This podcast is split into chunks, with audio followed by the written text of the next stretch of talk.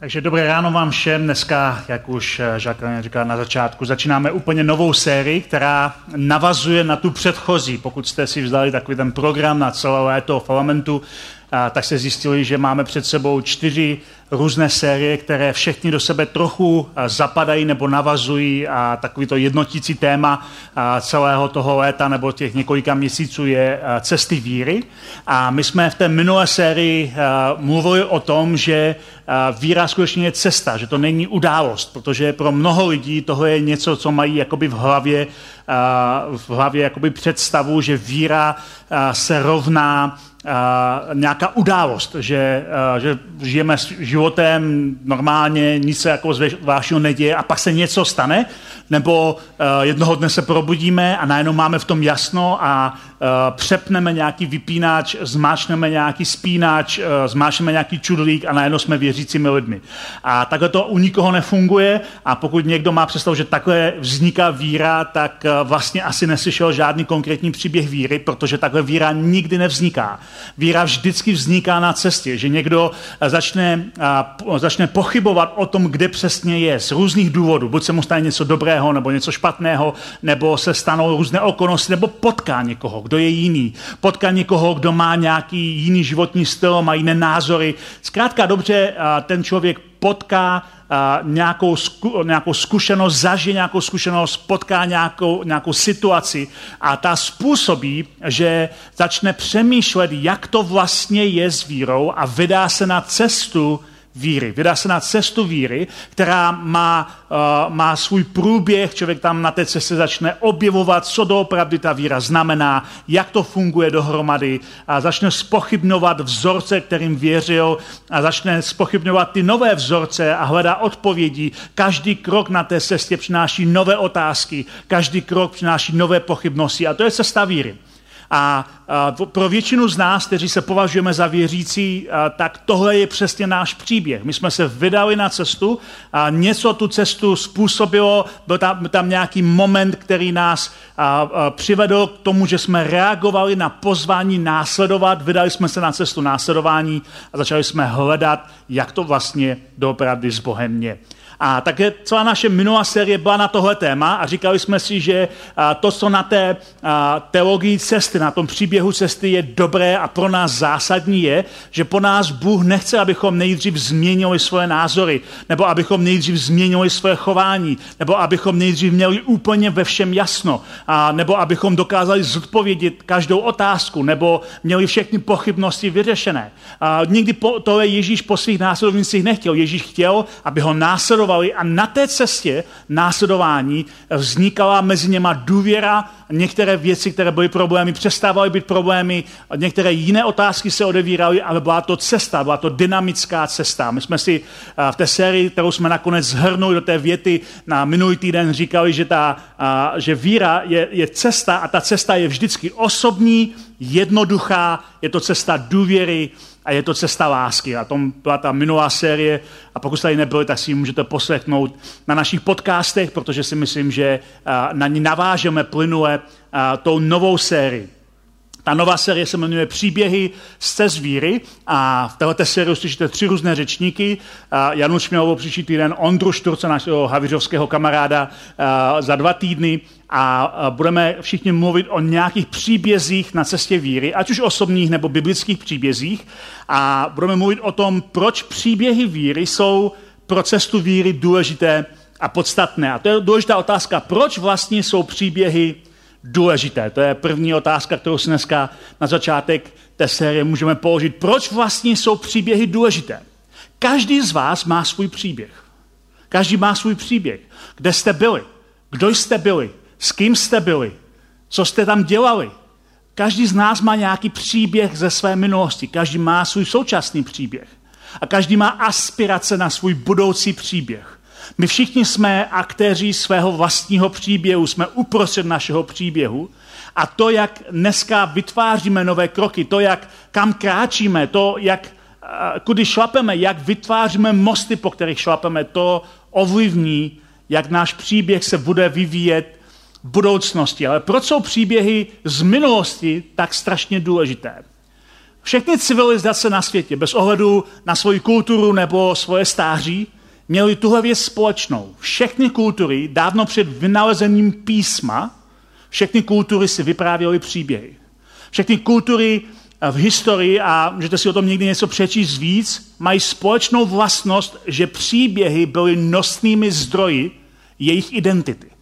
Všechny kultury měly společné to, že někde, uh, někde v pravěku táborového ohně nebo později uh, v různých uh, stavbách sedávali okolo ohně, sedávali, uh, sedávali okolo jídla a vyprávěli příběhy. Vyprávěli příběhy, které se jim staly, ale vyprávěli také dávné příběhy, dávné příběhy svých předků, které pro ně byly zdrojem jejich identity, kdo vlastně jsou a kam vlastně směřují. Bylo to zdroj jejich identity, proto si vyprávěli příběhy, proto naslouchali příběhům. Dávno předtím, než začali psát ty příběhy, si vyprávěli příběhy, slyšeli příběhy, ty příběhy se předávaly z generace na generaci a ty příběhy byly důležité, protože tvořily jádro, kým jsme. A na cestě víry to není jiné.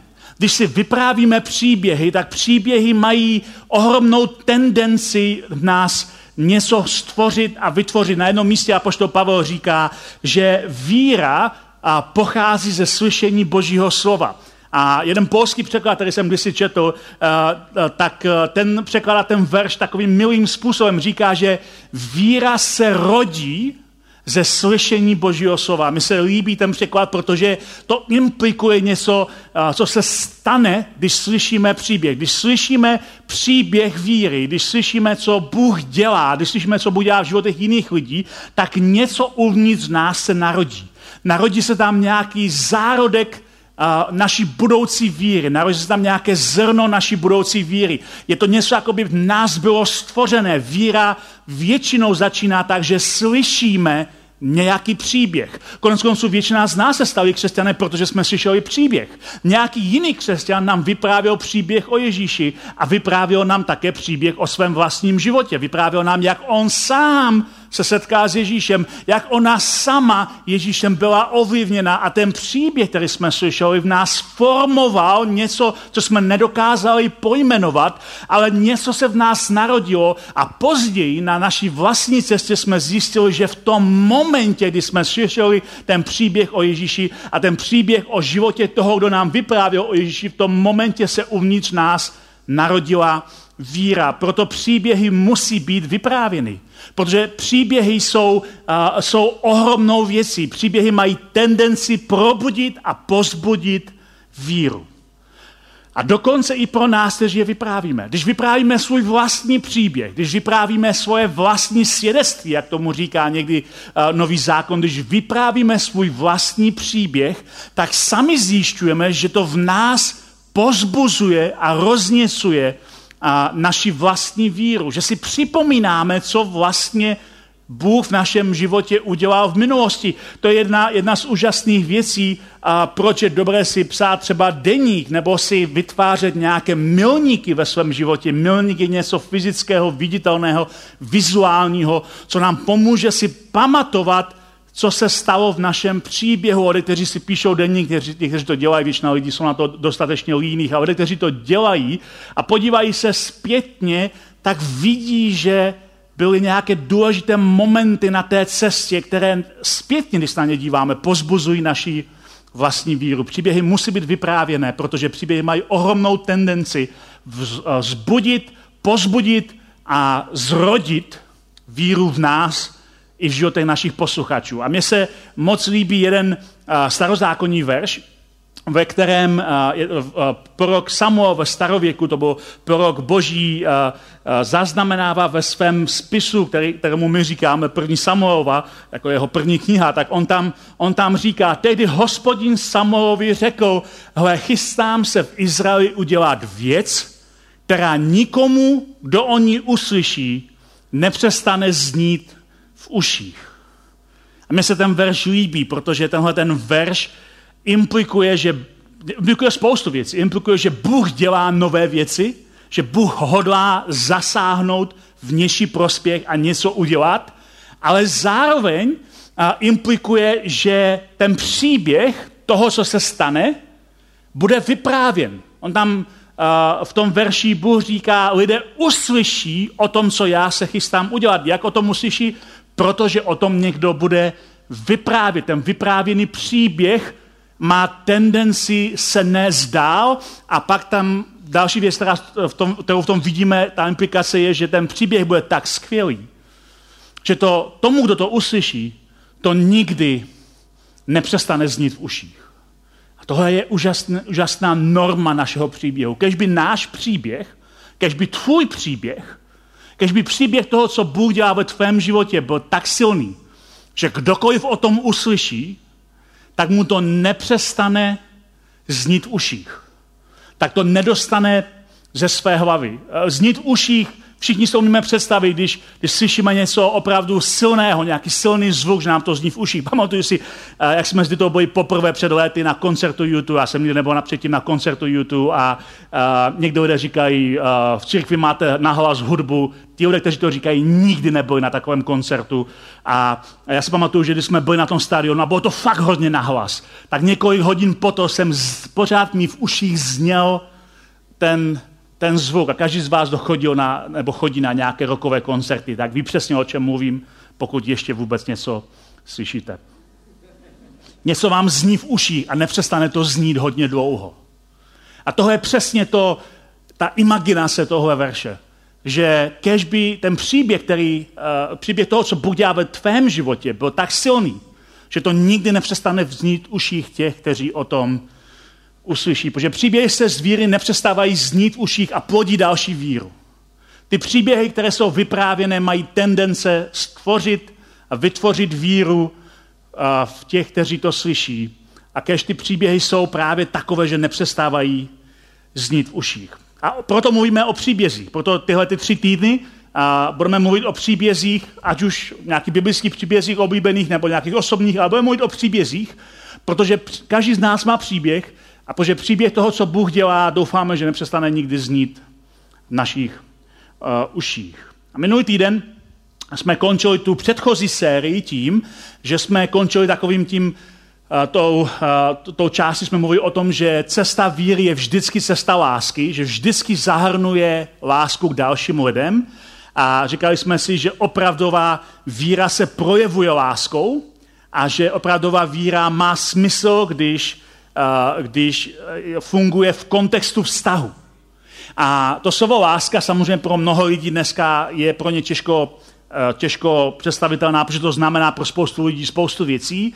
Pro mnohé lidí láska znamená především pocit, že cítím k někomu pozitivní emoci, ale ta láska, o které mluví Bible, často není o pocitu, ale je to o postoji a je to o chování, je to o konkrétních skutcích, které dělám na základě postoje a proti, a pro některé lidi.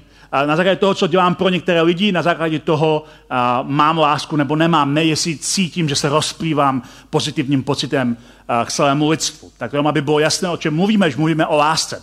A apoštol Pavel, to byl takový vůdce té první církve, který napsal většinu těch dopisů, které máme té křesťanské části Bible, Bible má dvě části, starý a nový zákon, židovská a křesťanská část, té křesťanské části, které říkáme někdy nový zákon, byť pro nás je to trošku legrační, protože pro nás je to 2000 let stará kniha, takže ten nový zákon je vlastně dost stará kniha, ale v tom novém zákoně, v tom křesťanském spisu je spoustu dopisů konkrétním církvím a ty dopisy píše ve větší části, ne všechny, ale ve větší části muž, který se jmenuje Pavel, byl to původně uh, uh, náboženský fanatik židovský, který, uh, který uh, sklouzl k násilí a pak se obrátil ke Kristu a stal se zastáncem Krista zastáncem nenásilí a začal, uh, začal propagovat úplně jiný životní styl, nakonec byl popraven a císařem Nerem.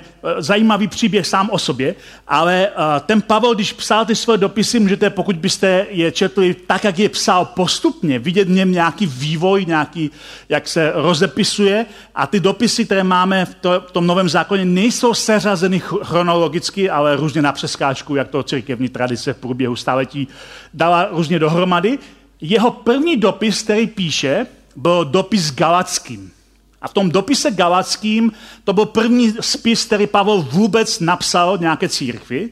A uh, řeší, ta Galácie to byla taková provincie několika měst a on tam řeší s těmi křesťany uh, problém, který se týkal o čem vlastně je křesťanská víra, co je jádro křesťanské víry. Protože v té době křesťanství bylo velmi mladé a měli nějakou konkrétní zkušenost s Ježíšem, rozhodli se následovat Ježíše, věřili, že Ježíš byl někdo speciální a zvláštní, ale neměli moc jistotu, co jsou základy křesťanské věrouky v porovnání s tím, čemu věřili do té doby.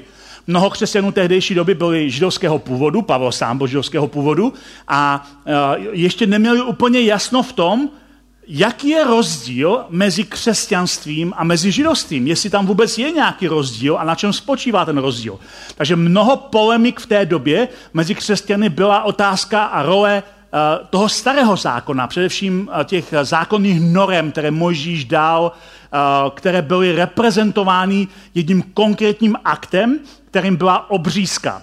Židé vždycky vzali po několika dnech po narození židovské chlapce a obřezali je obřezali jejich předkošku na pohlavním údu. A byl to pro ně symbol vydání se Bohu.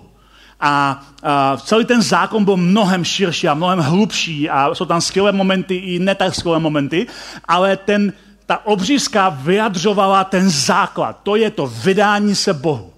A tak když vznikla církev a začali se obrácet také lidé, kteří neměli židovský původ, tak se křesťané mezi sebou přeli, jestli by také se neměli nechat obřezat, protože obřízka je tak důležitá pro Boha v tom starém zákoně. A takže o tom byla ta debata a byly velké spory. Nakonec církev usnesla, že není potřeba, aby dělala židovské zvyky, protože Bůh začal něco nového. Něco na základě svatého ducha, ne na základě rituálu obřízky. A takže eh, tomu ale teprve měla církev dojít. Ten dopis, který Pavel píše Galackým, píše církvi, která řeší ten spor, jestli má dodržovat křesťan židovské zákony, nebo má nějaký nový zákon, Kristův zákon, který je odlišný od těch židovských zákonů. Na čem vlastně spočívá, co je jádro křesťanské víry. A v té velké diskuzi, já říkám to trošku obšírně, aby bylo jasno, jak jsme se tam dostali, v té velké diskuzi je tam jedna věta, kterou tam Pavel píše v tom svém prvním dopise, která se mi moc líbí. Ta věta a, totiž říká, že jádrem křesťanské víry je právě to, o čem mluvíme dnes. Takže v Galackým 5.6 tam píše apoštol Pavel tyhle slova. V Kristu Ježíši přece nezáleží na obřízce nebo neobřízce, ale záleží na víře, která se projevuje láskou. On říká, v Kristu nějaké obřady, obřízky, pravidla, rituály, na tom vůbec nezáleží. A zároveň neříká, když to někdo chce udělat, tak, tak nesmí. Říká, na tom prostě nezáleží. Obřízka, neobřízka, to není ta hlavní pointa křesťanské víry. To, na čem spočívá víra v Krista, tady říká Pavel, je, na, že to spočívá na víře, která se projevuje láskou. Že to spočívá na víře, na důvěře v Boha, která se projevuje v našich vztazích, která se projevuje v tom, co děláme pro druhé lidi, která se, která se projevuje v tom, jaký máme vztah k druhým lidem. A je smutné, mimochodem, že později církev od tohle verše ustoupila. Že tenhle verš přestala aplikovat že církev po Konstantinovi, potom, když se z církve stala populární věc a natahali se do ní kariéristi, kteří chtěli si budovat svoji kariéru, ztratila právě tuhle tu pointu. Že eh, pro ní najednou začala eh, celé křesťanství být o víře, která se projevuje správnými doktrínami. Víře, která se projevuje zákonickým, svatým, morálním chováním. Víře, která se projevuje pronásledováním nevěřících. To nic z toho Ježíš nikdy neřekl. Tohle, bylo, tohle bylo, to byla smutná úhybka a smutný sesun z toho, co říká Pavel. Protože základem křesťanské víry v té první církvi, těch první 300 let, a doufám, že to je to, co je základem naší víry i dnes, je víra, která se projevuje láskou. A když budeme číst ten nový zákon jako celek, tak zjistíme, že to je ohromné téma na každé druhé straně skoro těch písem. Že je to o lásce, je to o víře, která se projevuje láskou. Jan uh, napsal později ve svých spisech, těch dopisech církvi, napsal, kdo nemiluje, uh, tak nemiluje svého bratra, a nemůže milovat Boha. A samozřejmě zase pro nás dneska pro mnoho lidí v dnešní době láska znamená nikdy neříct nic negativního. Láska znamená vždycky být eh, vstřícný ke všemu, co ten druhý dělá, ale to není zase láska. To je, to je nějaká přízeň, eh, fandění jeden druhému. Láska znamená, že chceme pro toho druhého to nejlepšího a že někdy mu řekneme i pravdu, která není příjemná, že ho mu pomůžeme překlenout nějaké období. A, ale Jan a Petr a Pavel a všichni ti autoři Nového zákona říkají, bez lásky víra nemá žádnou, žádnou sílu. A mě se moc líbí, jak eh, tenhle ten verš parafrázuje, nebo parafrázuje ten význam toho verše Andy Stanley, ten americký eh, kazatel, eh, který říká, že bychom se měli ptát sami sebe, co ode mě láska vyžaduje. Co ode mě láska vyžaduje? Jestliže skutečně základem naší víry je víra, která se projevuje láskou, co ode mě láska vyžaduje? A, a my jsme si už říkali, že víra se projevuje láskou a je to skutek pro druhého na základě našeho střícného postoje, že máme zájem o druhého a proto něco pro něho děláme. Asi každý z vás eh, ve svém životě zažil situaci, kdy jste měli nějaké těžkosti, nebo měli jste nějaké pochybnosti, nebo nějakou svízel a pomohla vám nějaká skupina lidí okolo vás. Mohla vám nějaká skupina lidí, kteří byli přátelé a kteří vám říkali pravdu a zároveň byli pro vás a pomohli vám překonat nějaké období. Na tomhle základě fungují všechny ty podpůrné skupiny v různých uh, systémech a projektech a na přesně tomhle základě fungují i malé skupiny v církvi. My jsme zrovna minulý týden dali dohromady finální seznam malých skupin, které začínáme vždycky od září v elementu, běží jako ve školním roce, uh, jako sezóna a malé skupiny budeme mít deset různých malých skupin a já doufám, že každý z vás se do takové nějaké skupiny zapojí. Protože ty skupiny, jejich smysl je právě být podpornou skupinou, která skutečně a, může jeden, kde jeden druhému může pomáhat a může posouvat a, víru toho druhého dál, pomáhat prakticky a žít životem lásky, víry, která se projevuje láskou. Je to, je to hrozně důležitá součást naší cesty. A eh, my, eh, každý z nás, kdo má nějaké těžkosti, tak, tak ví, jak je to důležité. A my, my s Ditou jsme velmi rádi za, za pár přátel okolo nás. A, a každý z vás, kdo prochází těžkou situaci, tak ví přesně, jak je to důležité mít nějakou podpornou skupinu okolo lidí, kteří vám věří, kteří jsou s vámi a kteří vám pomáhají. A dneska bych vám rád vyprávěl jeden takový příběh právě takovéhle skupiny, a je to příběh, který jeden z mých oblíbených příběhů uh, v evangelích, protože je to příběh, který ukazuje na, na sílu víry, která se projevuje láskou, síly komunity, která drží společně, kde jeden pro druhého něco dělá. A ten příběh máme v několika evangelích, já dneska budu číst ten příběh z Evangelia Marka, z nejstaršího uh, evangelia. Po několika dnech opět přišel Ježíš do Kafarnaum a když se proslechlo, zase tady jsou příběhy, zase se proslechlo, někdo něco vypráví. Když se proslechlo, že je doma, zhromáždilo se takové množství lidí, že se nevešli ani ke dveřím. Zatímco k ním promluval slovo, přišli k němu čtyři muži a nesli ochrnutého.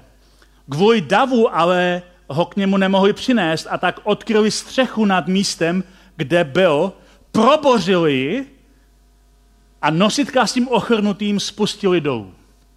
Když Ježíš uviděl jejich víru, řekl ochrnutému synu, tvé hříchy jsou odpuštěny. Pak tam probíhá trochu další konverzace, ale pak na konci konverzace Ježíš říká, abyste věděli, že syn člověka má moc na zemi odpouštět hříchy, tehdy pověděl ochrnutému, říkám ti vstaň, vezmi své lehátko a jdi domů. On hned vstal, před všemi si vzal své lehátko a odešel. Všichni byli ohromení a oslavovali Boha. Nic takového jsme nikdy neviděli. A je to krásný příběh a já se na něho na chviličku u něho zastavím a řeknu vám nějaké, uh, nějaké věci okolo něho nebo to, co, čeho bychom si mohli na tom příběhu všimnout.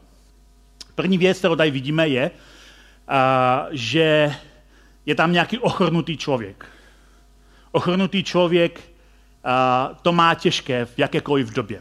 A ochrnutí lidé mají těžký život. A měli vždycky těžký život. Dneska mají těžký život. A to žijeme ve společnosti, která se snaží lidem, kteří jsou bez pohybu, pomoct. Vytváříme různé bezbariérové přístupy a podobně. Není to dokonalé, ale je to mnohem lepší, než to bylo ve starověku. To, jak se mají ochrnutí lidé dnes, mají se těžce a mají se mnohem líp, než se měli v době, kdy tenhle ten příběh se stál. Ochrnutý člověk v řecko-římském světě a podle toho, v jaké zrovna byl kultuře a v jaké době, to měl velmi těžké. A v některých těch kulturách řecko-římského světa eh, ochrnuté lidi po narození ani eh, nenechali de facto žít. A bylo zvykem je zabít nebo je nechat na pospas živé, divé zvěři. Tohle byla ohromná věc, která se dělá ve starověku, že když někomu se narodilo postižené dítě, tak to dítě nechali v příkopě u cesty. Nezabili ho a nechali ho v příkopě u cesty a teoreticky to dítě mohlo přežít, samozřejmě velmi teoreticky, ve většině případů sloužilo jako potrava divé zvěři. Mimochodem, tohle byl jeden z hlavních důvodů, ne jediný, ale jeden z několika hlavních důvodů, proč církev nejenom, že přežila první staletí pro následování, ale proč se rozrostla do masového hnutí. Protože první křesťané chodili a brali ty děti z těch příkop a starali se o ně, vychovali je. A ti lidé se stávali křesťany.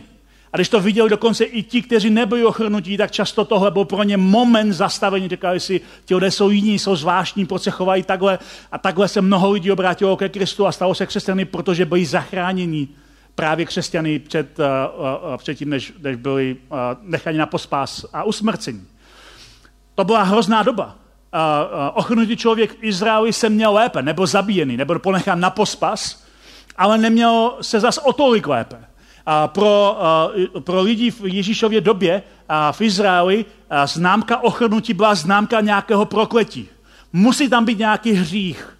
Když se někdo narodí jako postižený, jako ochrnutý, musí tam být nějaký hřích, buď už dopředu Bůh věděl, že ten člověk udělá hřích, tak už ho potrestal, nebo potrestal rodiče za jejich hřích tím, že se jim narodilo postižené dítě. Na neštěstí tuhle filozofii i dnes mají někteří lidé. Když se narodí postižené dítě, ptají se, proč někoho Bůh potrestal, jako by s tím Bůh měl něco společného, ale tohle byla jejich představa. A, a takže a, ti ochrnutí lidé měli spoustu omezení, například nesměli nikdy jít do chrámu, protože by znečistili ten jejich svatý chrám. Bylo spousta různých pravidel, které museli dodržovat, takže ten člověk, který byl ochrnutý, ve většině případů skončil jako žebrák. Ne proto, že by nedokázal udělat nikdy nic jiného, ale proto, že byl považovaný za někoho, kdo v životě má problém. A ten problém je tak vážný, že se narodil jako postižený a proto skončil většinou jako žebrák. A proto také máme tolik příběhů uzdravení chromých žebráků v evangelích, protože tohle byli často právě tihle žebráci. A tenhle ten muž, o kterém tady čteme, má jednu zvláštní výhodu, kterou jiní žebráci a jiní ochrnutí nemocní lidé v jeho době nemají. Tenhle ten muž má přátele. A to je ohromná věc. Má přátelé. My nevíme vlastně nic o tom muži, nevíme jeho, jeho příběh, evangelisté nepode, nepopisují jeho příběh nějak moc zrovna podrobně, a nevíme nic o jeho přátelích. Ale víme, že jeho přátelé byli speciální, protože se rozhodli, že něco, a, něco se svým nemocným přítelem udělají. Že něco pro něho udělají. A Ježíš v té době už je, už je známý. Ježíš cestuje po různých městech a dělá různé věci. Káže zvláštním způsobem, který přitahuje davy. A modlí se za nemocné, kde jsou uzdravováni. A dělá tyhle ty věci, které se rychle roznesou, že Ježíš je něco speciálního, že Ježíš dělá něco speciálního. A takže se dostane k uším lidem v Kafarnau, že Ježíš dělá něco speciálního. Příběhy jsou vyprávěny. Příběhy toho, co Bůh dělá skrze Ježíše, zní v uších těch, kteří to slyší. Lidé, lidé slyší ve svých uších ty příběhy a ty příběhy v nich něco působí. Jak jsem o tom říkal na začátku, ty příběhy v nich vytvářejí prostředí pro to, aby se víra mohla zrodit.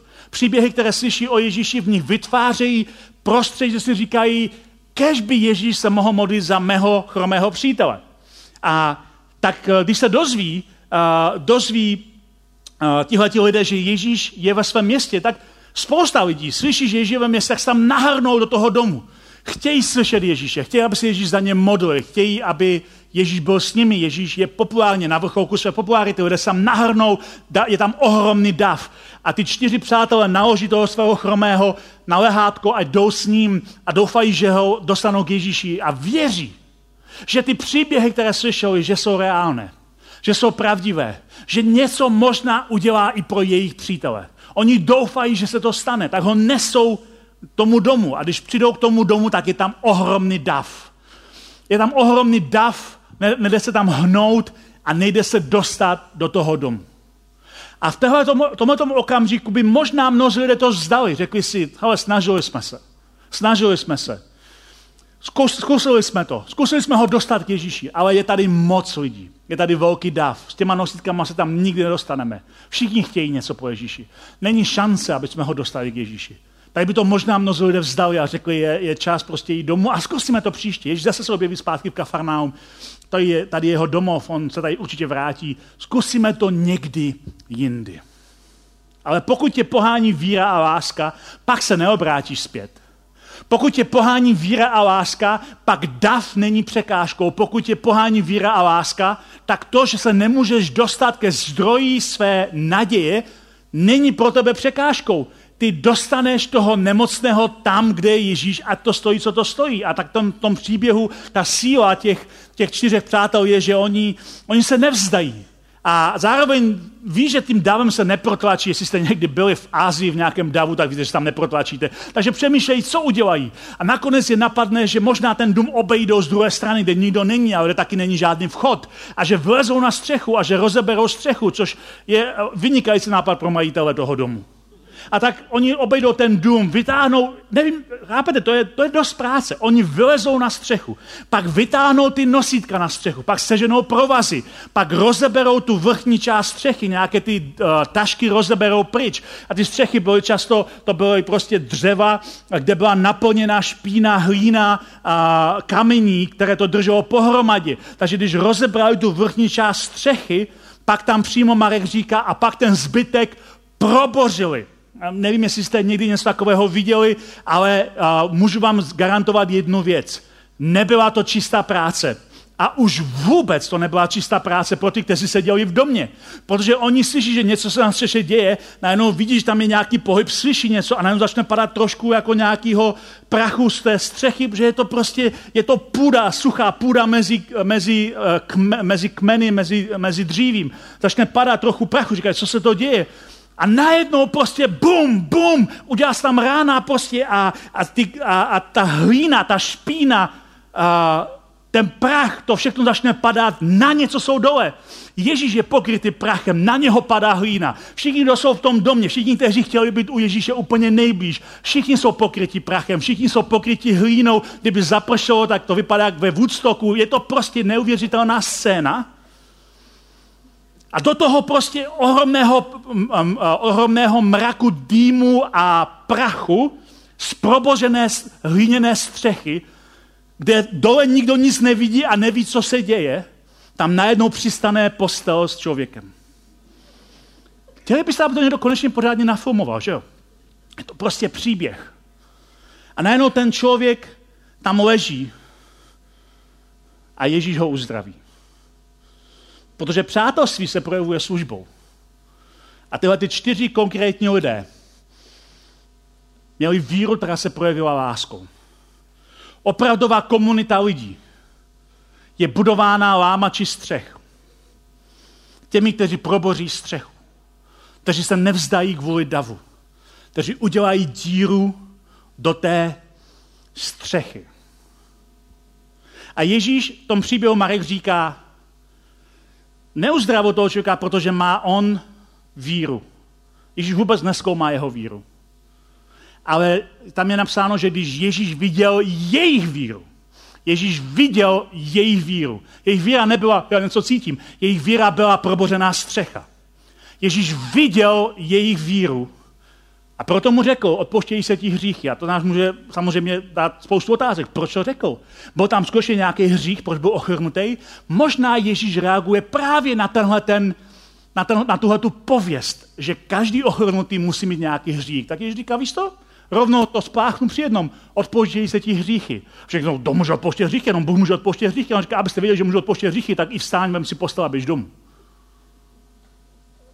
Protože ty čtyři přátelé se nespokojili s davem a udělali díru do střechy.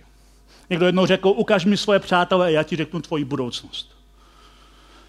Tenhle ten ochrnutý muž, jeho ohromná výhoda, jeho štěstí v životě bylo, že měl kolem sebe lidi, kteří se nespokojili s těžkost, nespokojili, kteří, kteří se nenechali zastrašit těžkostma, kteří se nespokojili s tím, že to jenom zkusili. A měl přátelé, kteří měli víru, která se projevuje láskou. I ty potřebuješ mít přátelé s vírou, která se projevuje láskou. Aby jednoho dne jsme mohli říct to, co říká Pavel v tom dopise Galackým na dalším místě, kdy říká, neste břemena jední druhých a tak naplníte zákon Kristův. V té diskuzi, kterou Pavel má o tom, co je jádro křesťanské víry, říká, ten zákon pro křesťany není ten, ta obřízka, ten starý zákon, ty židovské pravidla. Ten zákon Kristův je, že neseme břemena jední druhých, že si pomáháme, že naše víra se projevuje láskou. Tak se můžeme zeptat dnes sami sebe. Jak se, jak mohu žít ve svém životě víru, která se projevuje láskou? Co to pro mě znamená? Jak můžu žít životem víry, který se projevuje láskou? Co po mně přesně láska vyžaduje? To je důležitá otázka, kterou každý z nás se může zeptat na začátku této série. A já každému z vás přeji, aby příběhy o tvé víře, projevené láskou, nepřestaly a nepřestávaly znít v uších komukoliv, kdo to uslyší.